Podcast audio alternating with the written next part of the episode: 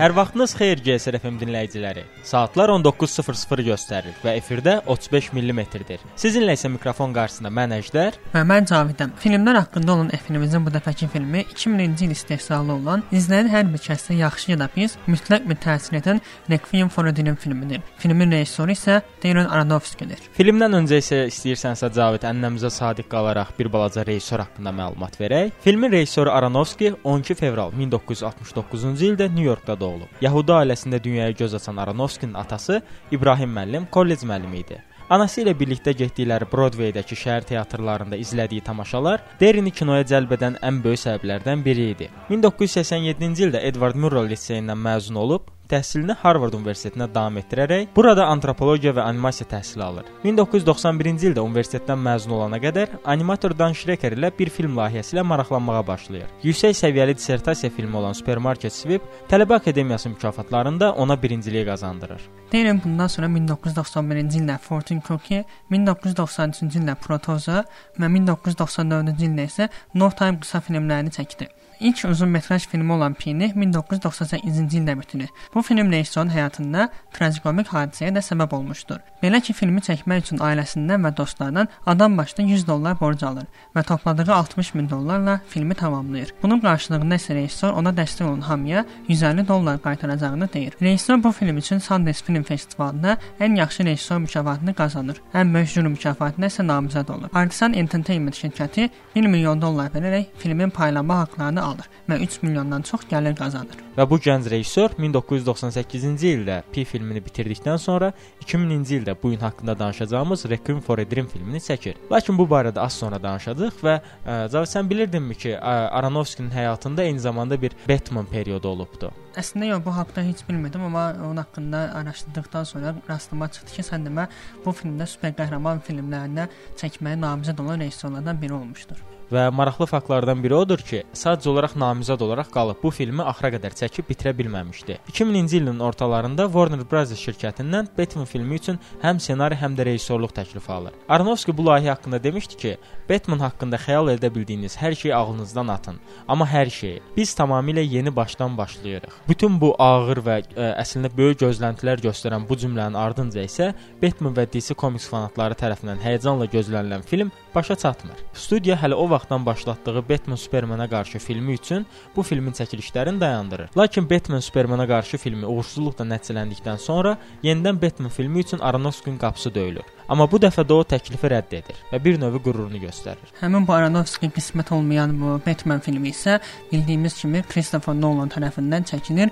Özdə ə, bir film yox, 3 film olaraq trilogiya şəklində çəkilmişdir və bu da ə, məncə ə, Christopher Nolan çəkdiyi bu Batman trilogiyası bu günə qədər çəkilmiş ən yaxşı super qəhrəman filmlərindən biridir ki, o ə, adi bir super qəhrəman filmindən çıxaraq özünün öz qaranlıq dünyasını daha təmkinli şəkildə göstərə bilmişdir. Bundan başqa demək istədim ki, məşhur rejissorlardan biri də super qəhrəman filmi çəkməyə namizəd idi, amma o da uğursuzluqla nəticələmişdi. Bu Quentin Tarantino'dur ki, onun haqqında oxumuşdum ki, o ə, sən demə Dəmir Adam filmini çəkmək üçün namizədlərdən biri idi, amma o da yəni bizə ə, qismət olmadı ki, o Tarantino'nun əlindən o filmi görə. Həqiqətən çox maraqlı oldu ki, Tarantino kimi bir rejissorun əlindən çıxan Iron Man, Dəmir Adam ə, super qəhrəman filmi necə olardı? Düzünə qalsa, indiki Iron Man seriyası mənim kifayət qədər çox xoşuma gəlir və mən də bəyənirəm. Ona görə də mən açığı onu Quentin Tarantino'nun əlindən necə çıxacağını təsəvvür eləyə bilmirəm. Çünki onun ə, bir növ onun filmlərinin də təhkir üsulu da çox fərqlidir və bu bir super qəhrəman filmində özünü necə əks tapar, açıq bu mənim üçün çox maraqlıdır, amma bunu bir başqa super qəhrəman filmin üzərində mütləq gələcəkdə yoxlasalar, əslində kifayət qədər maraqlı olar. Yəni ki, Tarantino'nun çəkdiyi filmdə daha çoxlu qan görərik, yəni super qəhrəman filmində. Və filmi də sondan başa izləyərik ya da ortalarda sonu görərik. Çox fərqli təhkir üsulu olan bir rejissorlardan biridir. Ə, qaydaq yenidən Aronofsky-yə və ə, Aronofsky bu Batman filmini qəbul etmədikdən sonra mənə görə karyerasında bir 10 illik susqunluq dövrü olur. Ə, nəyə görə? Ə, indi bu barədə qısaca məlumat verim. Belə ki, 2001-ci ildə aktyor heyətinə Brad Pitt və Kate Blanchett-in olacağı ə, The Fountain filminin hazırlıqları başlayır. 70 milyon büdcə ilə çəkilişlərə başlayanda Brad Pitt layihədən ayrılır və filmin çəkilişi təxirə salınır. 2004-cü ildə Hugh Jackman və Rachel Weisz ilə razılığa gəlinərək film yenidən çəkilməyə başlanır. Film maddi olaraq uğur qazanmasa da, Aronofskinin üslub təkmilləşdirilməsinə və sevənləri tərəfindən bəyənilməsinə də səbəb olur. 2008-ci ildə isə dram və idman janrında olan Wrestler, yəni güləşçi filmi işıq üzü görür. Ssenarisini Robert Siegelin yazdığı film şou məqsədi ilə keçirilən döyüş müsabiqələrində iştirak edən,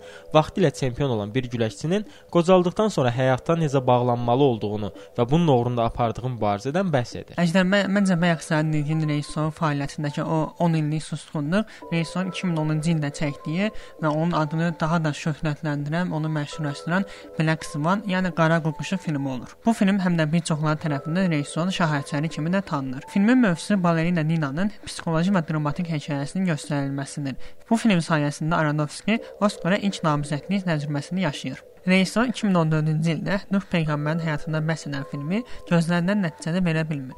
Olduqca yüksək büdcə ilə çəkilən və istənilən gəlir qazana bilməyən filmin bir çox ölkələrdə yayınlanması da qadağan olunmuşdur. Və bu filmdən sonra isə rejissor hələ də susqunluğunu qoruyur, saxlayır. Mənim fikrimcə artıq yenidən bir 10 ildən sonra 2020-ci ildə böyük ehtimal ənənəsinə sadiq qalaraq bir şah əsəri ilə qarşımıza çıxacaq. Yəni məncə o qədər də insafsız olmayaq da. 10 il bir rejissorun film çəkməməsi məncə o özü buna dayana bilməz. Düzdür, təcrübələrdə çox belə on, öz filmləri arasında 10 ildən çox fasilə verən rejissorlar da var, amma indi bilmək olmaz da. Aronofsky məncə elə bir şey eləməz. Və rejissor haqqında məlumat verdikdən sonra isə indi artıq filmin mövzusuna keçək Cavid. Bugünkü filmimiz Requiem for a Dream, yəni Yuxu üçün bir ağı filmidir. Film Hubert Selby'nin eyni adlı romanı əsasında ekranlaşdırılmış, Cannes Film Festivalında isə cəmi 13 dəqiqəsi nümayiş olunan film 2000-ci ildə ABŞ-da əsas nümayişi keçirilmişdir. Filmə ona uğur gətirən Pi filminin komandası ilə başlayan rejissor bu filmə ilk başda 50 min dollar xərcləmişdi.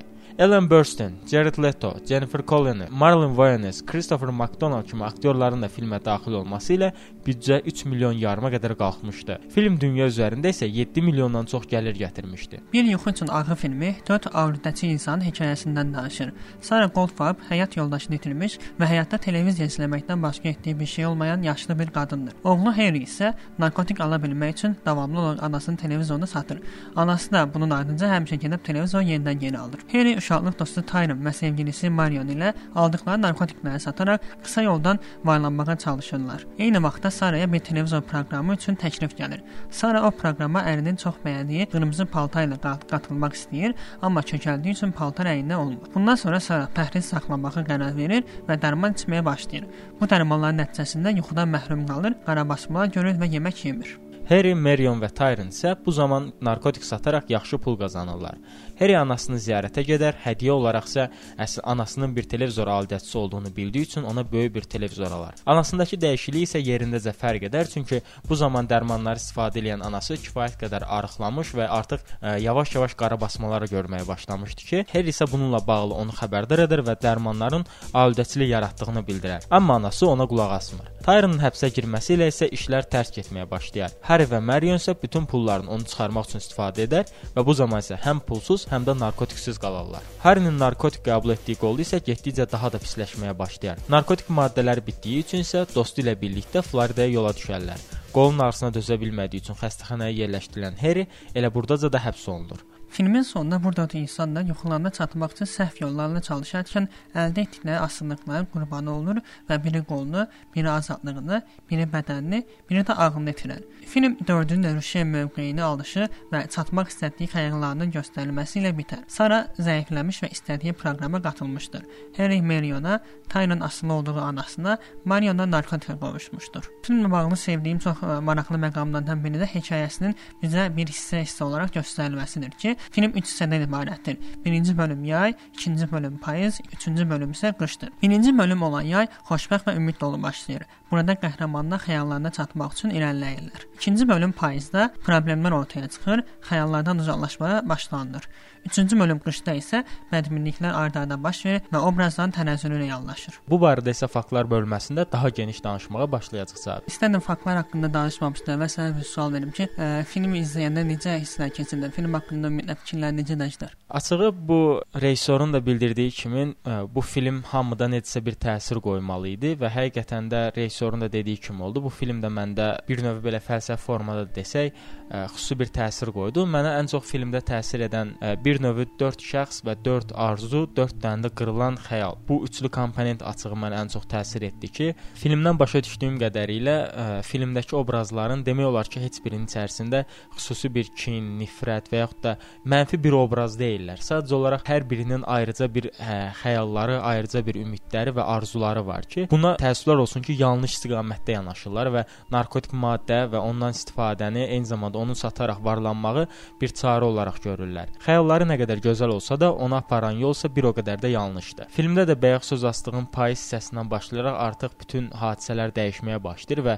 bir növ ə, arzuların kəsərliyi və onlara çalışmaq uğrunda olan artıq ə, həmin o dirənc, həmin o çalışmaq, vuruşmaq daha da kəskinləşir. Hətta məsələ o yerə qədər gedib çatır ki, hər 1000 1000 kilometr, yəni New York City-dən Floridaya 1000 kilometr yolu belə sadəcə arzularının arxasınca qaçır və onun arzusu isə sadəcə olaraq anasına yaxşı övlad ola bilmək və sevgilisi ilə çox gözəl həyat qura bilmək idi. Və bu uğurda isə o 1000 kilometr məsafəni qət etməyə özünə borc bilir. Anası isə sadəcə olaraq arıqlamaq və hə, oğlunun möhtəşəm biri olduğunu görmək üçünsə o televiziya proqramına çıxıb bu barədə danışmaq istəyir. Və bütün baş verən bu səhnələr açığı artıq qışda, son səhnədə sən də bildirdiyin kimi sonda hər birinin rüşeyn formasında ə, öz arzularını görməyi də ə, məncə əslində müsbət bir şeydir. Film əslində ə, heç də göstərildiyi kimi bədbin bir notda notda bitməyibdi. Çünki rüşeyn bildiyimiz qədərilə nəyinsə bir başlanğıcıdır. Yəni mənim fikrimcə filmi əslində kifayət qədər bədbin notda bitdiyini göstərsək də, rüşeyn formalarını almağa hər şeyin yenidən başlada biləcək güclərinin olduğuna bir işarədir. Ə, bəs səndə necə təsir eləyib bu film? Ə, sualı belə verim. Sən bu filmdən nə götürdün? Mən də qəbul etməliyəm ki, film bir a, izləyici üçün çox ağır mövzudur. Yəni mövzu bir qırağa onun göstərmə üsulu, göstərmə hekayəsini anlatılmaq tərzi, tərzi belə çox sərt bir formada izləyicinin üzünə vurur.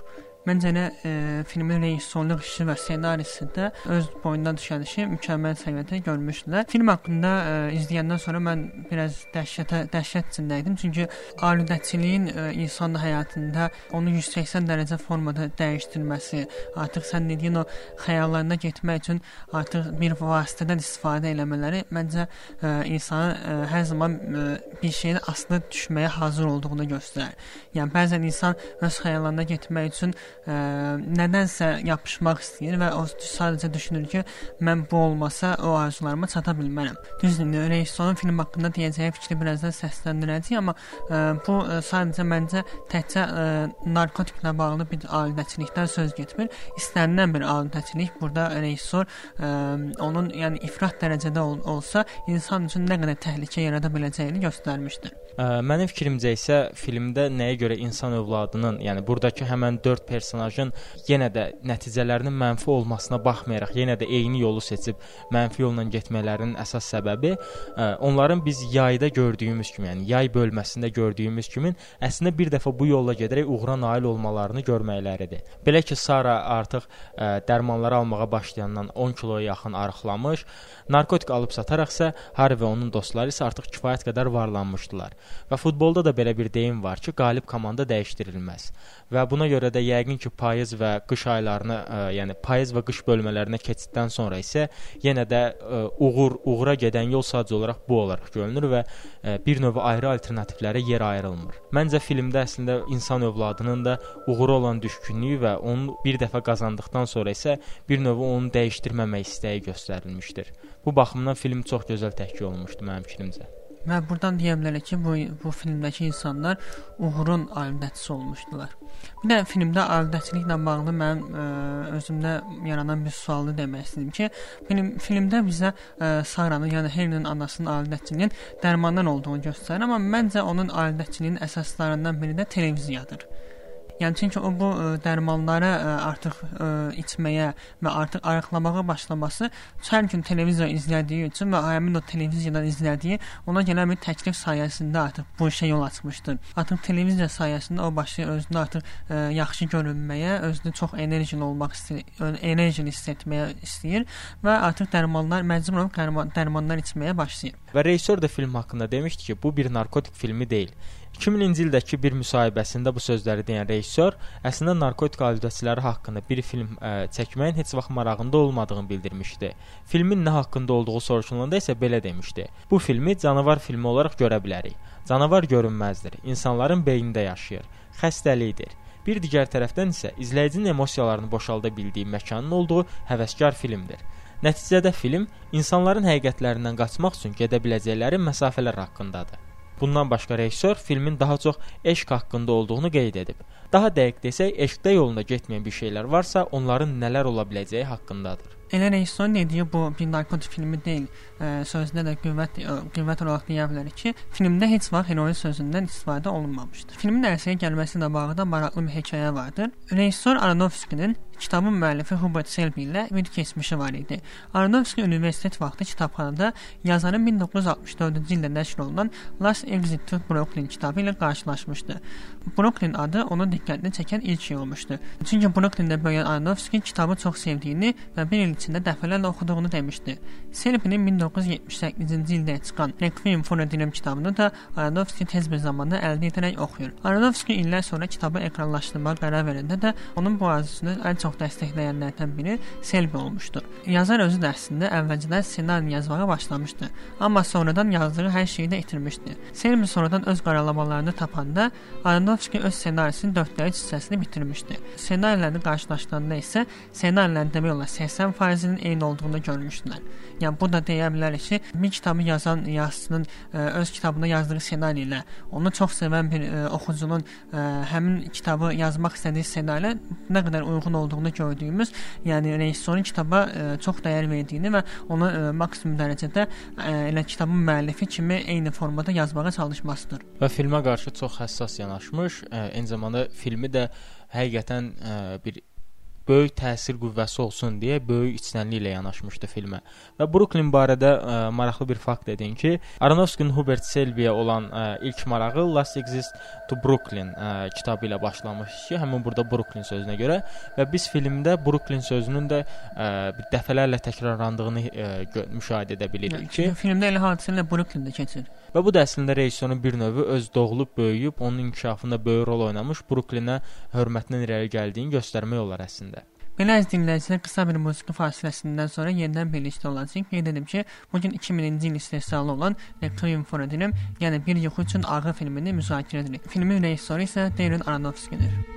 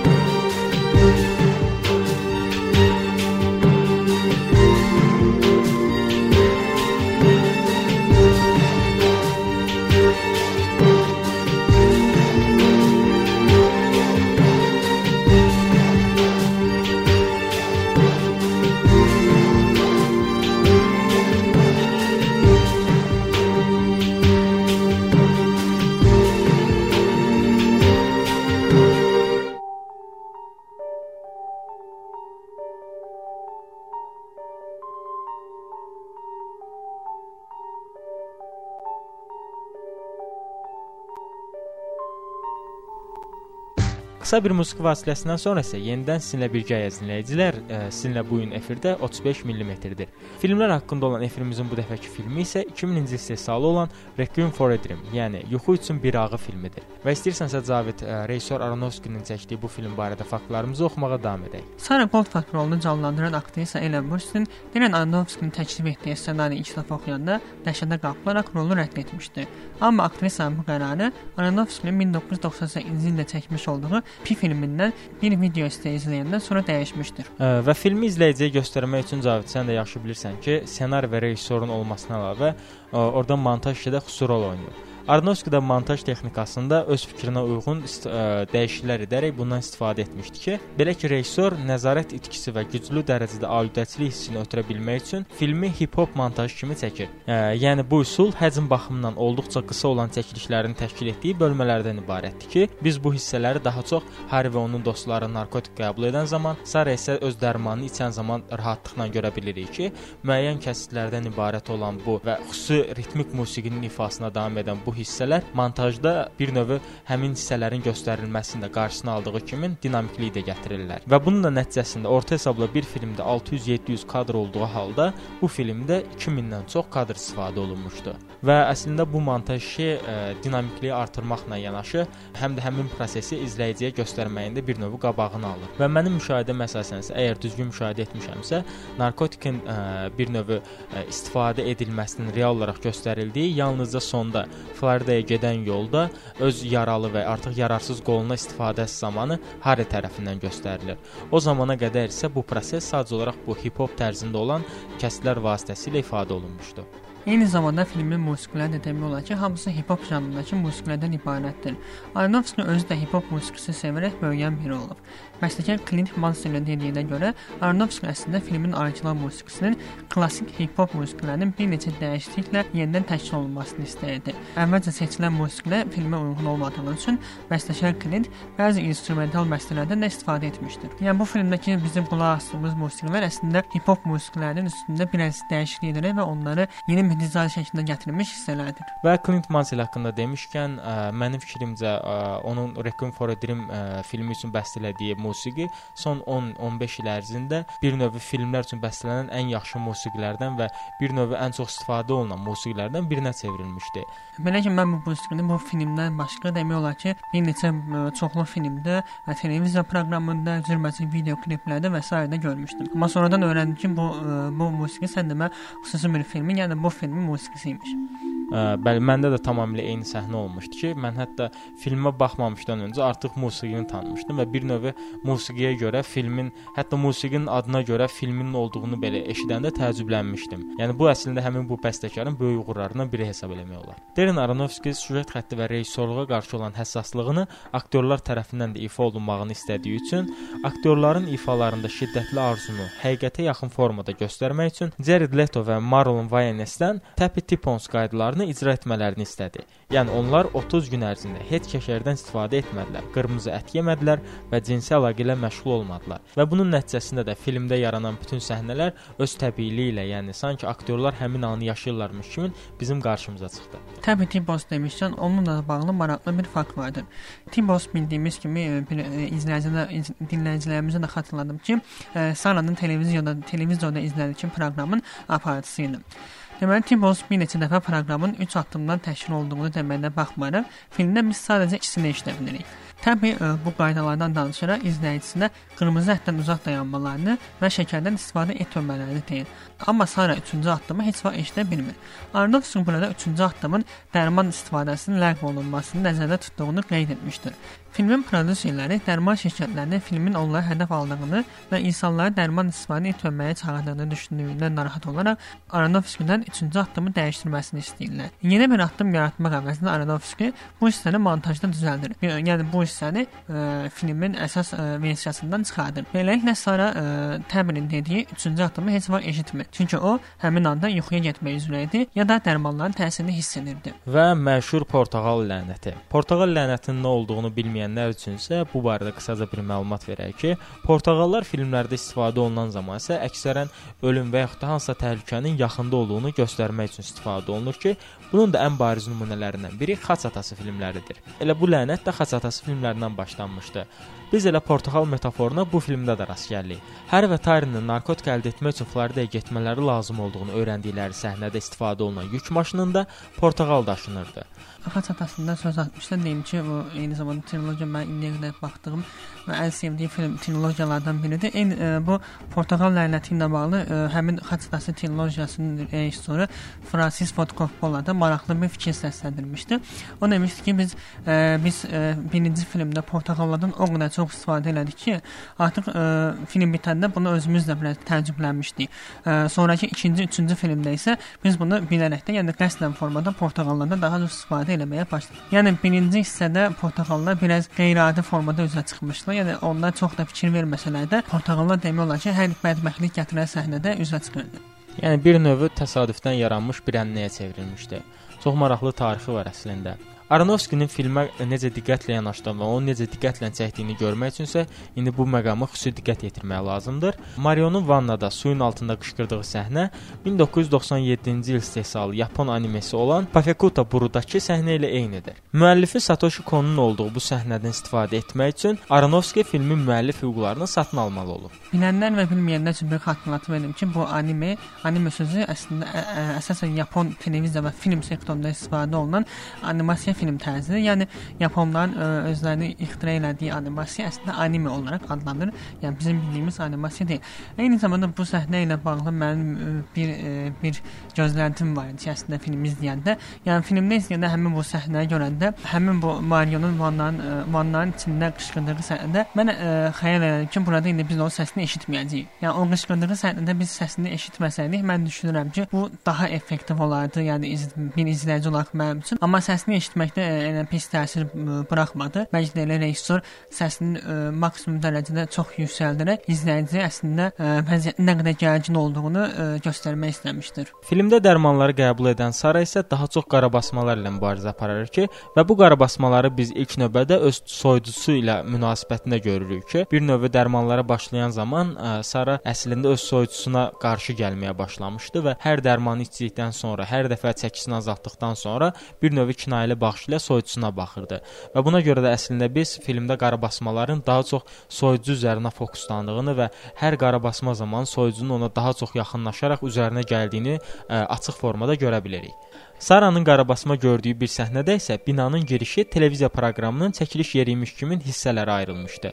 Bu saxta televiziya proqramının bir neçə üzvü Eleni stolu ilə gəzdirərkən arxada panel daşıyan bir adam görünür. Adamın daşıdığı bu panelin üzərində isə Aronofskinin ilk filminin adı olan pi simvolu yazılmışdı. Bunun haqqında bunu bəlkə də izləyəndə tam olaraq ə, görə bilməsə də mən bir yerdə oxumuşdum ki, oradakı pi yazısı ə, Yunan əlifbasında yazıldığı üçün bəlkə onu ilk baxışda ə, görməmək olar. Və bununla da ona uğur gətirən ilk filmini bir növ yad etmişdi. Filmlə bağlı bir digər maraqlı fakt isə obrazların yaşı ilə bağlıdır. Rejissor əvvəlcə narkotik adətçisi olan üç əsas obrazının filmdə ro filmdə romana və ssenariyə əsasən daha gənc olmağını istəyirdi. Aronofsky əsas obrazların yaşlarını 14-16 arasında olmasını, narkotikin dağıdıcı təsirini daha yaxşı göstərə biləcəyini düşünmüşdü. Eyni zamanda onun fikrincə bu izləyicə daha dərin emosional hisslər yarada biləcəkdi. Kitabın və ssenarinin müəllifi Hubert Selmer də rejissorla eyni fikirdə idi. Amma prodüserlər bunu xoş qarşılamadı. Prodüserlər filmin Amerikalı tamaşaçılar tərəfindən bəyənilməyəcəyini deyirdilər. Selby və Aronofsky obrazları gənc eləmək üçün çoxlu cəhdlər etsə də, prodüserlər əgər belə davam etsə, filmin nümayiş olunmayacağını dedilər. Və mənim fikrimə qalsa isə 14-16 yaşında ə, olan personajlardansa, elə bu həmin 23-24 yaşındakı personajlar daha effektiv oldu. Ə, nəyə görə? Mənim fikrimcə artıq 23-24 yaşında olan şəxs bir növ həyatı öz əllərindədir və özünün seçim imkanları vardır.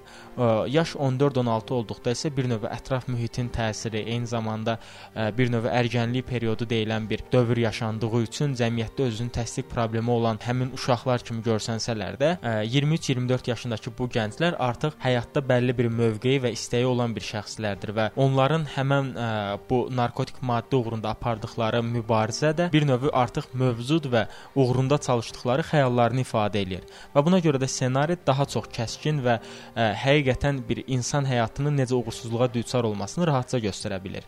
Ə, əks təqdirdə isə bu 14-16 olsaydı, məncə ə, təbii ə, kiçik yaşda uşaqların həyatının dağıdıcı təsirini göstərməsi insanlara mənfi təsir göstərə bilərdi. Amma bir növ bunları ə, bunun onlar tərəfindən şuursuz olaraq həyata keçirildiyi məqamı filmin kəsərliyini daha da azalda bilərdi mənim fikrimcə. Də bu 14-16 yaş olması mənim fikrimcə də yaxşı olmazdı. Çünki ə, filmdə gördüyümüz bu ə, həmin bu üç dostun ə, elədikləri, onların istədikləri və əl, istədiklərini əldə etmək üçün elədiyi cəhdlər məncə 14-16 yaşlı uşağın edə bilməyəcəyi bir şeylərdir. Yəni o fikrimcə 14-16 yaşlı uşaq ə, sərbəstcə narkotik alıb sata bilməyəcəkdir həmin ə, həmin ə, öz yaşlarında.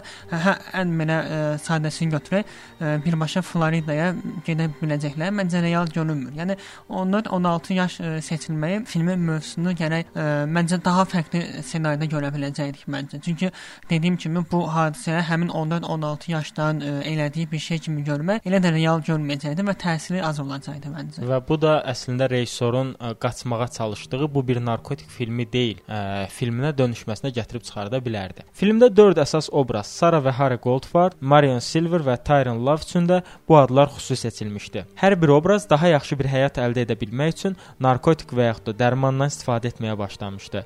Adının mənası qızıl olan Sara göz qamaşdırıcı olmaq istəyirdi. Marion və Harry isə öz işlərini istəyirdi. Onların da adlarındakı gold və silver sözləri də qızıl və gümüş mənasına gəlir. Mənası eşq olan Tyronun isə anasının ona verə biləcəyindən çox daha yaxşı bir yuvaya sahib olmaq və ə, bir növ öz sevdiyi qadınla birlikdə yaşamaq istəyini əks etdirirdi. Kitabın müəllifi Hubert Selby 1978-ci ildə romanı yazanda tibbi imkanlar qeyri-kafi idi və çox vaxt xəstələrə laqeyd yanaşılır, pis münasibət göstərilirdi.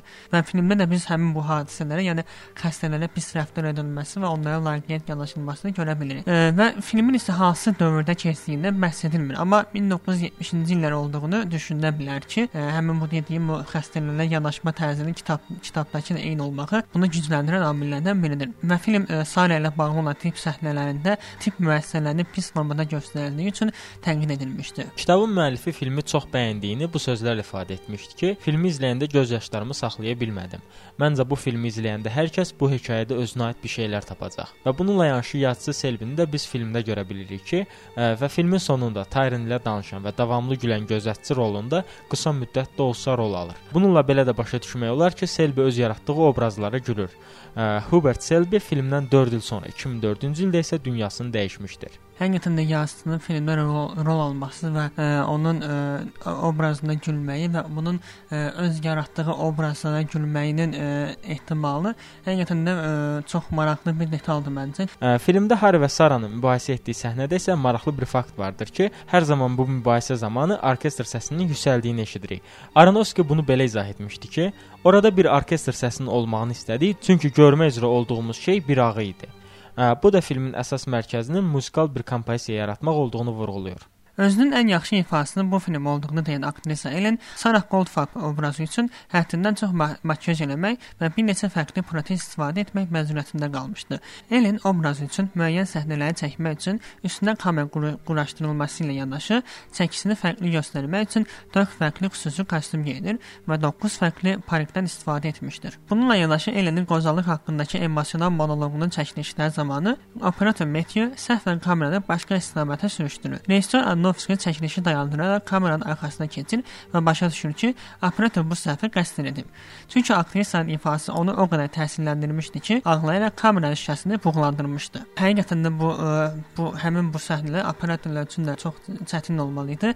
Hə, həmin bu ə, operatorların film çəkilişi zamanı istəməyərək yarandığı səhvlərdən biri də mən ə, səhv xatırlamıramsa, ə, Fight Club yəni döyüşçü klubu filmindən olmuşdu. Orada bir səhnədə həmin döyüşçü klubunun üzvlərindən biri bir rahibə şlakla su fışqırdanda kameranın ani bir hərəkətini görmək olur ki, həmin bu səhnədə operator özünü gülməkdən saxlaya bilməyərək kameranın ə, ani bir hərəkətinə ə, səbəb olmuşdu, amma filmdə də həmin bu səhnə saxlanılmışdı. Filmdə ə, operatorla yanaşı aktyorlar da bəzi fədakarlıq etməli olmuşlar. Ə, belə ki, baş rol aktyoru ə, Jared Leto bu film üçün 11 kiloqram arıqlamışdı və roluna hazırlaşmaq üçün isə hətta bir müddət Bruklində real heroin istifadəsi ilə dostluq etmişdi. Bu filmdə köməkçi rol aktrisası kimi qarşımıza çıxan və kifayət qədər bəyənilən aktrisa Jennifer Connelly isə modelyer Marion personajına bütünlüklə daxil ola bilmək üçün isə filmdəki bütün geyimləri özü dizayn etmişdi. Və kifayət qədər maraqlı və təsirli səhnələrdən biri olan son səhnə, yəni ə, Marion ilə Harry'nin son danışdığı telefon bağlantısı səhnəsi isə əslində real olaraq faktiki reaksiyalar əldə edə bilmək üçün canlı telefon bağlantısı idi ki, eyni çəkiliş meydançasında müxtəlif hissələrində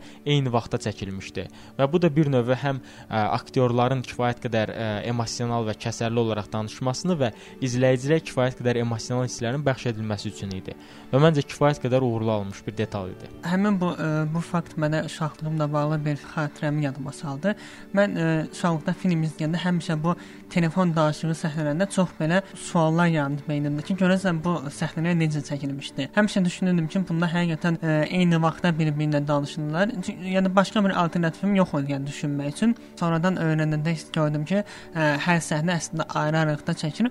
Amma bu ə, bu film həmin bu səhnə ə, sağ olsun ki, mən uşaqlığımla bağlı düşündüyüm o fərziyyəmi reallaşdırmışdı. Bu telefon danışığı səhnəsi eyni bir anda çəkilmişdi. Filmdə Aronofsky öz atasından da bir növ ə, aktyor kimi istifadə etmişdi ki, biz Sarah Goldwald ə, personajı metroda gedərkən tanımadığı insanlara televiziyaya çıxacağını dediyi səhnədə ona ağlını itirmisən deyən kişi əslində Aronofsky'nin atası idi. Efrin əvvəlində re rejissorun fəaliyyəti ilə bağlı bir neçə uğursuzluqların baş verdiyini danışdıq. Çünki dediyimiz qədərlə rejissorun bütün filmlərinin demək olar ki, hamısının başı bəlalı olmuşdur və normal formada çəkilməmişdir. Bu filmdə eyni zamanda rejissor üçün biraz qalmaqallı, yəni problemlərlə başa çatmışdır. Belə ki, rejissor Darren Aronofsky-nin 1998-ci il istehsalı olan ilk uzunmetrajlı filmi Pi eyni ildə Sundance Film Festivalında ən yaxşı rejissor mükafatını qazanmışdı. Pi filmi ilə diqqətləri cəlb edən rejissor bu filmdə eyni zamanda maddi olaraq da uğur qazanmışdı. 60 milyon dollarlıq büdcə ilə 3.2 milyon dollar əldə edəndə prodüserlər 29 yaşındakı rejissora sonrakı filmində istədiyini edə biləcəyini deyirlər. Amma təəssüflər olsun ki, rejissor bir yuxu üçün ağır filminin ssenarisini onlara göndərəndən sonra heç biri onu axtarmamışdı. Amma həmin ə, prodüserlərin sözləri üstündə durma durmamalarına baxmayaraq film ə, ərsəyə gəlmiş və düşünürəm ki, ə, öz ə, işini və kino dünyasında özünə ayrıca və xüsusi ə, yaddan çıxmayacaq bir yer qazanmışdır. Belə əziz dinləyicilər, bizə ayrılan vaxtın sonuna gəlib çatdıq. Bu dəfə sizinlə 2000-ci il istehsalı olan Requiem for a Dream, yəni Yuxu üçün bir ağı filmindən danışdıq. 4 obraz ətrafında aludəçiliyin insanların fəlakətlə nəticələnən təsirindən bəhs edən filmin rejissoru Darren Aronofsky idi. Sizinlə isə mikrofon qarşısında mən Əjdər və mən Cavid idim. Gələn həftə yenidən eşitmək diləyi ilə sağ olun, salamat qalın.